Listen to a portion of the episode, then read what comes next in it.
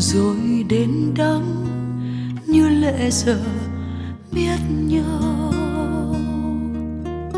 Đêm vỗ về nuôi nắng đêm trao ngọt ngào hương phấn, buông lời dòng tóc mơ trong dòng ngày tháng vật vờ.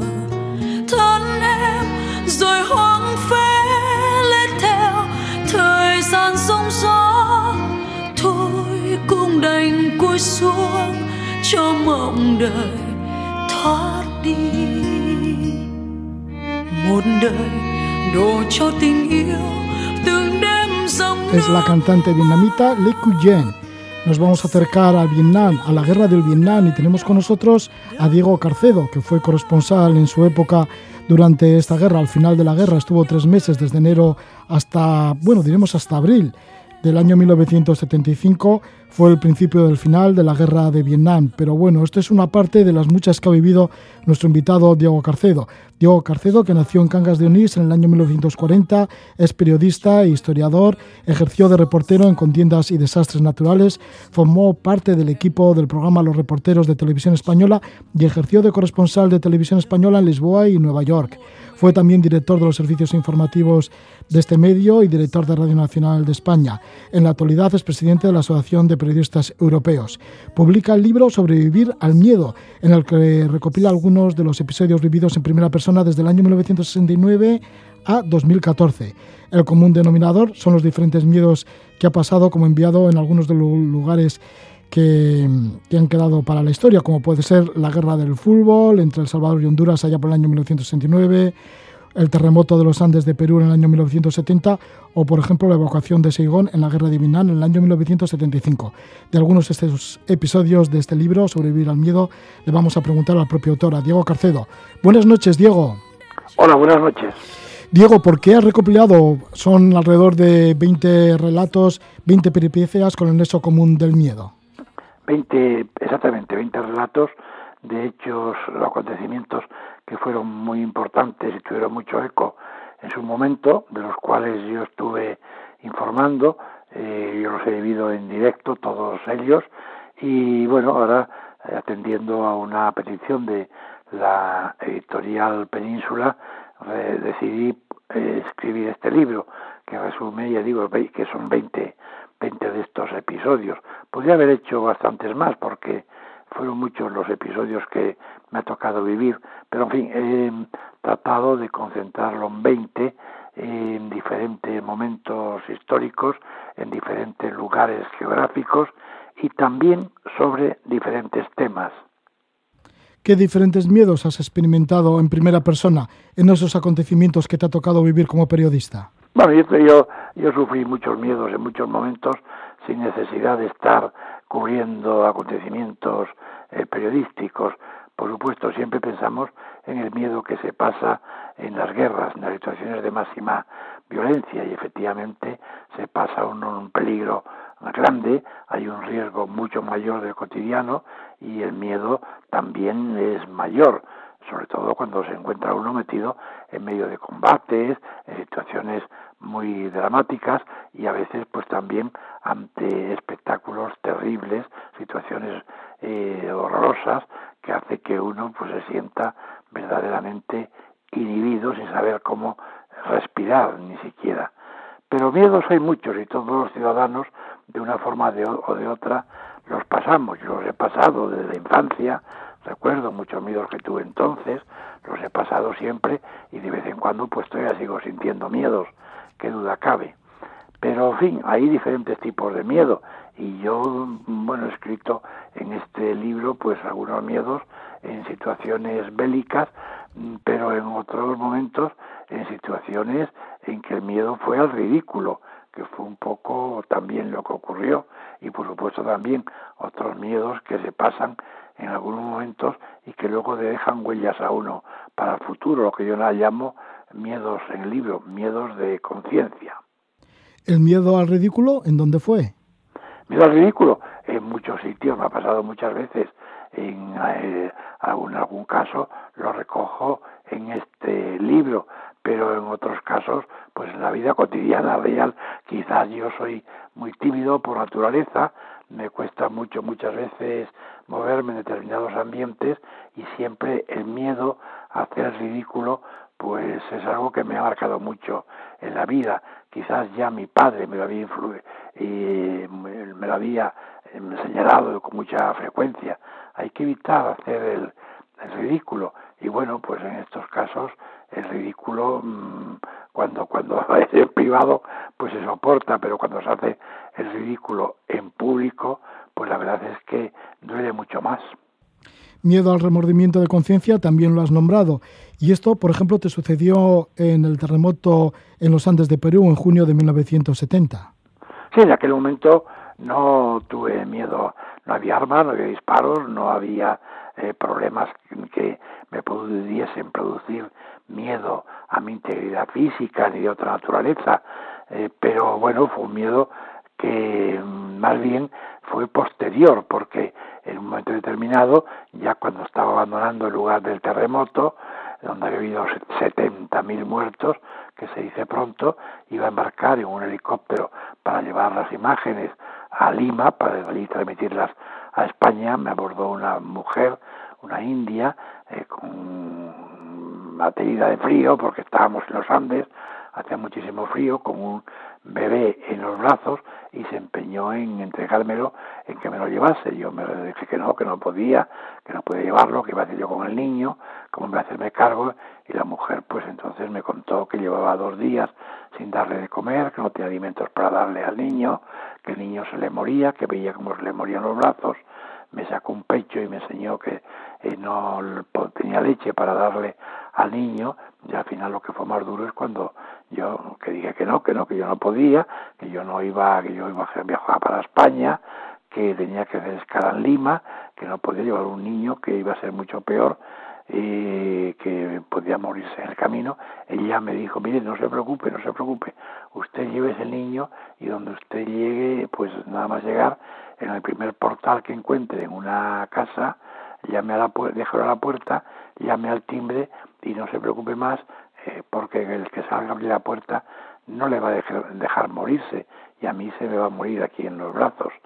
Claro, mm, fue terrible y en ese momento pues no sé qué cosas le pasaron por la cabeza, pero imagino que todas. Pero en fin, lo que sí sé es que a partir de ese momento, aquella imagen, aquel cuadro, aquella escena, pues hombre, ya cada según pasan los años, pues menos, pero la sigo recordando y me sigo estremeciendo y en algunos casos pues me ha producido muchas ganas incluso de llorar. Sí, no es para menos, ¿no? Porque aquello fue una catástrofe, aquel terremoto en Perú, que se desprendieron bloques de hierro y rocas eh, del Huascarán, ¿no? Que es la montaña más elevada de, la Cordillera Blanca. sí. Sí, en el callejón de Huaylas. Hubo un, temblor, hubo un temblor de tierra muy fuerte, fue un domingo, y los, las nieves perpetuas de estos picos se desgajaron y cayeron, taparon el valle, cubrieron el valle era un valle muy bonito, completamente. Yo estuve haciendo un reportaje incluso de un grupo de personas que se salvaron eh, porque en ese momento no estaban en sus casas, estaban en el cementerio, que estaba en una de las laderas eh, de, los picos y estaban en un entierro, era un domingo por la tarde, ya digo.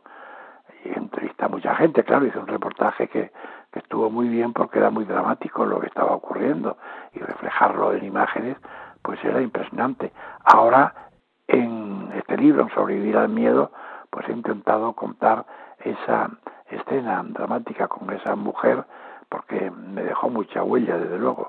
Podría haber contado algunas historias más de esa peripecia que fue ocurrir ese terremoto, u otros terremotos que me tocó vivir, porque me tocó, creo que fueron cuatro, eh, pero en fin, he contado esa que veo que es una de las que ha tenido más impacto entre los lectores del libro, de Sobrevivir al Miedo cuatro terremotos y por lo menos siete guerras has cubierto. Guerras siete, sí. siete. Ahora con, motivo del libro, pues los he estado contando y sí, han sido siete. Claro que eh, hablamos de guerras y, y, guerras y claro, la de Vietnam, pues las eclipsa todas, sin la menor duda. Después de la Segunda Guerra Mundial, no cabe duda que fue la mayor guerra que, en fin, de las contemporáneas, eh, que fue mm, donde murieron tres millones y pico de, de personas, 52.000 soldados norteamericanos y donde, bueno, durante unos cuantos años eh, la guerra que ya estremeció al mundo, produjo auténticas convulsiones internacionales, era una, todo el mundo estaba pendiente de lo que estaba ocurriendo en Vietnam en aquellos momentos. Hay un capítulo de este libro, Sobrevivir al miedo, que se, titula, que se titula El principio del final. Justamente recoges lo que sucedió en abril del año 1975, cuando os encontrabais el equipo de televisión española junto contigo en Saigón. Estabais alojados desde enero en el Hotel Continental Plaza en los últimos días de la guerra y aquello se transformó en un total caos. que os fue realmente el último día. Fue el día 29, la guerra terminó oficialmente el 30. Todo ese caos que yo recojo en el libro, que trato de escribir lo mejor que he sabido y podido, pues eso concluyó en la mañana del 30, cuando ya los Vietcong se ha apoderado de todos los centros de poder y los quedábamos allí, eh, quedamos muy pocos, eh, siete periodistas y bueno algunos algunos diplomáticos extranjeros fuimos evacuados desde la embajada norteamericana en Saigón en helicóptero hacia barcos de la flota que estaban en Buntao. Fue una salida dramática mm, que sí, ahí también, también el miedo, pues ahí fue un miedo prolongado, porque es que durante aquellas treinta y tantas horas que vivimos una tensión terrible, pues el miedo no desapareció ni un solo instante era ir de una pesadilla a otra, ¿no? Porque ya solamente cuando quisiste dejar el hotel, fuiste a recepción a pagar el alojamiento, ya ahí te apuntaron. sí, ya, pues, el, miedo ya venía de mucho antes, porque la ciudad llevaba cercada ya unas cuantas horas y había muchos problemas. Ahí una noche, al atardecer, cuando regresábamos al hotel después de hacer un reportaje de un atentado terrorista en un centro comercial, vamos, en un, en un, en un, mercado, mejor dicho, un mercado, pues se produjo inesperadamente un bombardeo, ahí se repitió, ahí se produjo una imagen que se repitió mucho en televisión española, en el que apareció pues ahí acurrucado detrás de un muro con el micrófono en la mano contando la extrañeza de lo que estaba ocurriendo, porque no sabíamos dónde caían esas bombas, quién era quien bombardeaba. Sabíamos que no podían ser los norteamericanos, sabíamos que no podía ser de Vietcong, que no llegaba con aviones allí, pero en fin, no sabíamos qué estaba pasando y veíamos que las bombas, ahí están las imágenes que la televisión española las ha reproducido muchas veces, que están cayendo delante de, de mis narices. Y era una, una rebelión que hubo en la Fuerza Aérea survietnamita que se negaba a que se estaba que se a la rendición que el gobierno ya había decidido y se negaba entonces salieron los aviones durante unos minutos no mucho tiempo lo suficiente para bombardear diferentes lugares de la ciudad e intentar hacerse poder, con el control de, de diferentes sobre todo de las de las fuerzas armadas.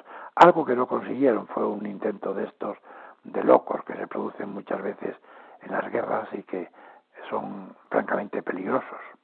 Y en este libro, en Sobrevivir al Miedo, pues comentas eso, que cuando queríais dejar el hotel, pues en recepción os pidieron en dólares que teníais que pagar, bastantes dólares, no tenías dinero, te apuntaron con una pistola. Todo lo que teníamos, sí, sí, sí, sí. Prácticamente todos los dólares que nos quedamos sin dinero porque al final hubo que pagarlo. A mí me apuntaron con la pistola en el pecho cuando yo insistí, porque siempre estábamos pagando en piastras, en la moneda vietnamita, y allí sorprendentemente pues empeñan que en dólares, que era una cantidad elevadísima para elevadísima para entonces y para, para aquellas circunstancias.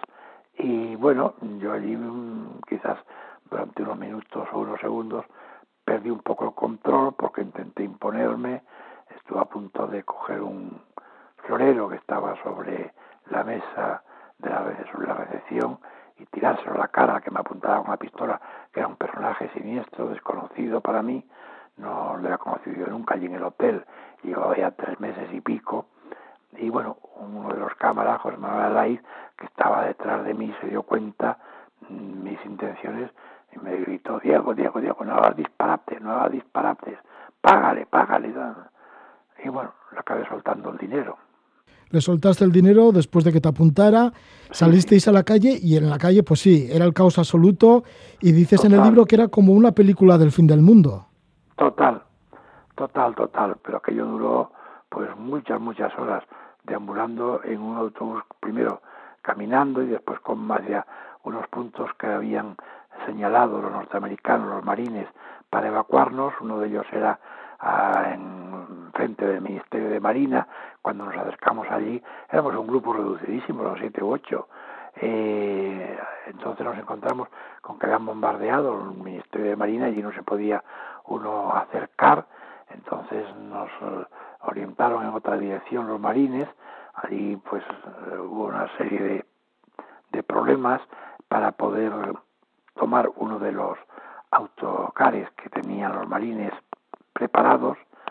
Y yo cometí, bueno, cometí no, mm, embarcaron los compañeros de televisión y cuando me di cuenta yo también embarqué en autobús, noté que me di cuenta que el ayudante de cámara, un chico joven, Javier, Javier García Llamas, se había quedado en tierra, un poco un chico muy tímido y allí todo el mundo al saberse quién pueda y él se había quedado en tierra, entonces yo, para no dejarle solo, me, me, casi en marcha, me apeé para quedarme con él y detrás de mí otro de los cámaras hizo lo mismo y bueno, ahí nos quedamos bloqueados un poco los tres junto con, con alguno más, con de otros países, un, un periodista de la BBC, el secretario de la Embajada de Japón, en fin, y ahí vivimos una peripecia durante el día terrible. Otros vivieron otra. Yo tengo que decir que la guerra de Vietnam fue cubierta por muchos periodistas de todo el mundo, de todos los países.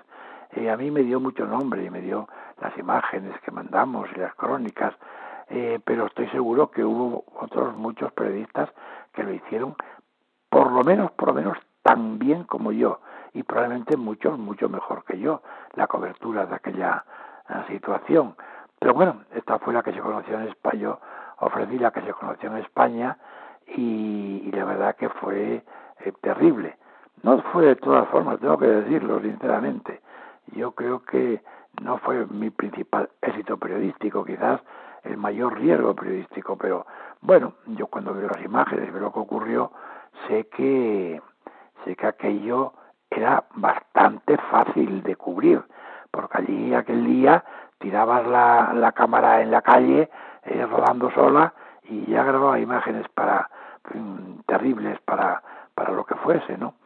Pero bueno, mm, aquello ya pasó a la historia y lo que he tratado ahora pues ha sido contarlo de la forma mm, más amena posible, sencilla posible, para que todo el mundo lo pueda seguir bien, sin ningún problema, eh, procurando evitar demasiados datos, que resulte pesado, y es lo que he intentado contar en esta en uno en, en algunos de estos episodios. En otros conté otras cosas cuento otras cosas que nada tienen que ver con la guerra Diego, sí, volviendo ya por último ¿no? a la guerra de Vietnam, te llamaba mucho la atención de que los vietnamitas nunca lloran. Fíjate el desastre que estaba pasando en los, en los últimos minutos del final de la guerra de Vietnam, sin embargo, y bueno, y los muertos que estabais viendo y la metralla que había por todos los lados y los culatazos y demás, pero la gente no lloraba. Los vietnamitas sonríen siempre. Lo que pasa es que debe ser una forma de expresarse. No, no, yo nunca vi a nadie llorar. Llorábamos los extranjeros más cuando veíamos situaciones terribles. Los vietnamitas los veías naturalmente asustados, eh, vamos, eh, pero, pero llorar, llorar, yo no vi a ninguno. Incluso una vez me acuerdo que una recepcionista del hotel me estuvo contando que había muerto un hermano suyo hacía dos días en la guerra y que la habían llamado, cuando llamaron a ella a su casa, eh, a casa estaba solo, solo ella, no había más nadie en la casa para decírselo, cuando había llamado al cuartel general y que esa me contó, y ahí sí que me contó que había llorado un rato. Y no sé qué le dije yo, dijo, pero delante de usted no, no, no voy a ponerme a llorar. O sea que deben tener eh, un cierto pudor en este sentido, ¿no? Es un pueblo encantador, vietnamitas, camboyanos, laosianos, la verdad que son una gente amable y yo quizás eh, en muchas de mis crónicas lo reflejé, era el cariño que despertaban, primero por la calidad humana, que, que había de todo naturalmente, y lo había, había mucha delincuencia, pero la verdad que la calidad humana era enorme y desde luego lo que impresionaba muchísimo pues era el drama que estaban viviendo, un drama para que además no se le veía final. Bueno, pero tuvo ese final y finalmente y vosotros también finalmente fuisteis evocados llegando a Filipinas después de navegar durante cinco días. Llegasteis a una base de Estados Unidos y finalmente salisteis de, aquel la base de Subway, base de Subway, sí. Mm. Y después ya en barco hasta Manila, bueno, sí, todo eso fueron peripecias, digamos que menores, aunque también hubo sus más y sus menos, porque claro, veníamos plenamente derrotados también nosotros sin comer cinco días y pico, sobre todo sin beber con una sed enorme, veíamos pues con el calor que hace allí de 30 y muchos grados o 40, sudorosos, con lo puesto, en fin, eh, fue también sí muy, muy dramático, pero bueno, ya sentíamos que aquello tenía un, un final y eso tranquiliza mucho. Y dice, bueno, esto está muy mal, pero, pero dentro de 48 horas o 24 o tal, pues las cosas para mí van a cambiar, a cambiar. A mí me preocupaba mucho cuando estaba en Vietnam, era la suerte de aquel pueblo, de los vietnamitas, porque yo decía, bueno, si aquí tengo la suerte de salir mm, con vida y nunca dudé que yo saldría con vida de allí, pues pensaba, bueno, al final tengo un pasaporte, tengo un país que me va a coger de regreso, tengo dinero para poder manejarme, si no ya me lo harán llegar, eh, mi problema es muy pequeño comparado con el de estos millones de personas que están aquí sufriendo esto, además desde hacía ya 10 o 12 años. Sí, claro, es una de las reflexiones fundamentales ¿no? que se hace cuando se abandona un país en esa situación. Y bueno, ya para terminar, uno de los capítulos, y esto casi queda en una anécdota, lleva el título de Escalofrío en Phnom Penh. También era el año 1975 y te encontrabas en la capital de Camboya, los gemelos rojos estaban a las puertas de la ciudad, una bomba hizo temblar las paredes del hotel en donde estabas, se apagó la luz y, y bueno, y parece ser que te, que te viene una sensación muy extraña, ¿no? Algo recorría tu abdomen. Bueno, pues eso, pues sí, porque estaba tumbado en la cama, estaba leyendo, era por la noche, hacía un calor terrible, como siempre allí, y sí, había por, por los el techo de las habitaciones, había los gecos, estos especies de lagartos que se pegan a los, a los techos y que además los respetan mucho allí porque eh, comen los insectos y son los que limpian un poco también el ambiente al parecer. Pero bueno, yo estaba leyendo tranquilamente se produjo así un bombazo enorme de los Hammerus que estaban a otro lado del, del Mekong, muy cerca, yo estaba en el Hotel Lenom, que está en lo alto de la ciudad, el hotel retembló entero y yo, se apagó la luz instantáneamente y cuando me di cuenta sentí una sensación rara y era que uno, uno de aquellos eh, gecos o lagartos o lagartijas o, salamandras o como se les quiera llamar cayó y cayó encima de me quedé encima y recorrió mi cuerpo desnudo de arriba abajo puede alguien imaginarse el escalofrío que me entró en medio del calor que, había, ¿no? La sensación además de la oscuridad, sin atar de darme cuenta de lo que estaba ocurriendo y bueno, como aquel apagón de luz duró mucho tiempo, pues tardé mucho tiempo yo en, volver a la cama, eh, decidirme a acostarme teniendo, temiendo como estaba en la oscuridad que el bicho aquel estuviese por ahí todavía eh, por la cama, en fin, eso fue más bien miedo al ridículo, también tengo que decirlo. Pero bueno. Bueno, pero fue el susto, ¿no? Que de repente el bombazo, que todo se apaga y en, y en el abdomen sientes alguna cosa extraña, una sensación de algo que te están dando por ahí y que piensas al principio, bueno. En el pues abdomen y para abajo. Ya, ya, y dices, bueno, pues puede ser la metralla, pero te tocabas y dices, pues no estoy sangrando. Entonces, entonces ¿qué es esto que me está recorriendo el, el cuerpo? No, no, no era, no era dolor de, de metralla, no, en absoluto.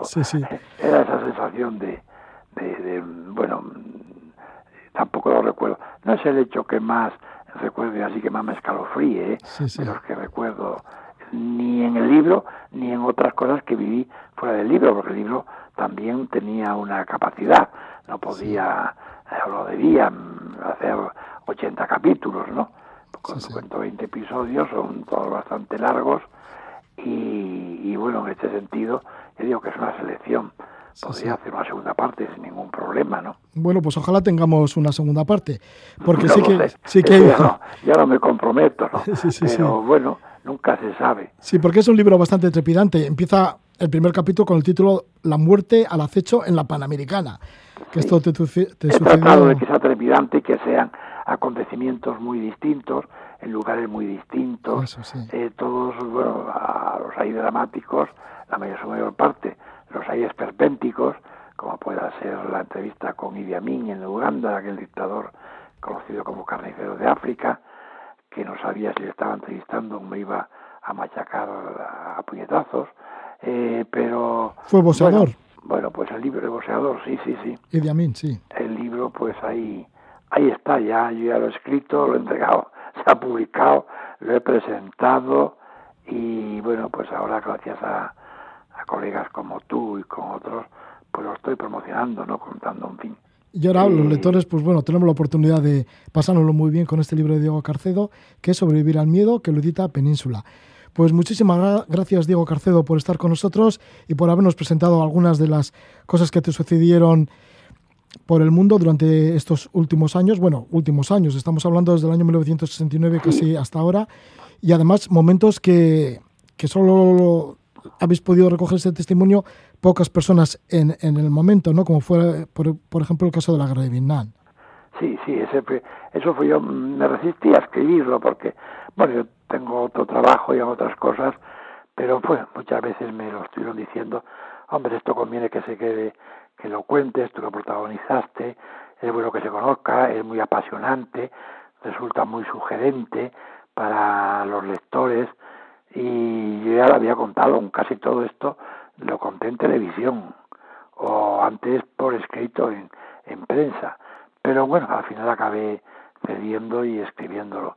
El mes de agosto pues me dediqué a esto y, y en 20 días lo escribí. Bueno, pues te agradecemos esta escritura. Gracias por estar con nosotros, Diego Carcedo. Encantado. Muchas gracias y buenas noches.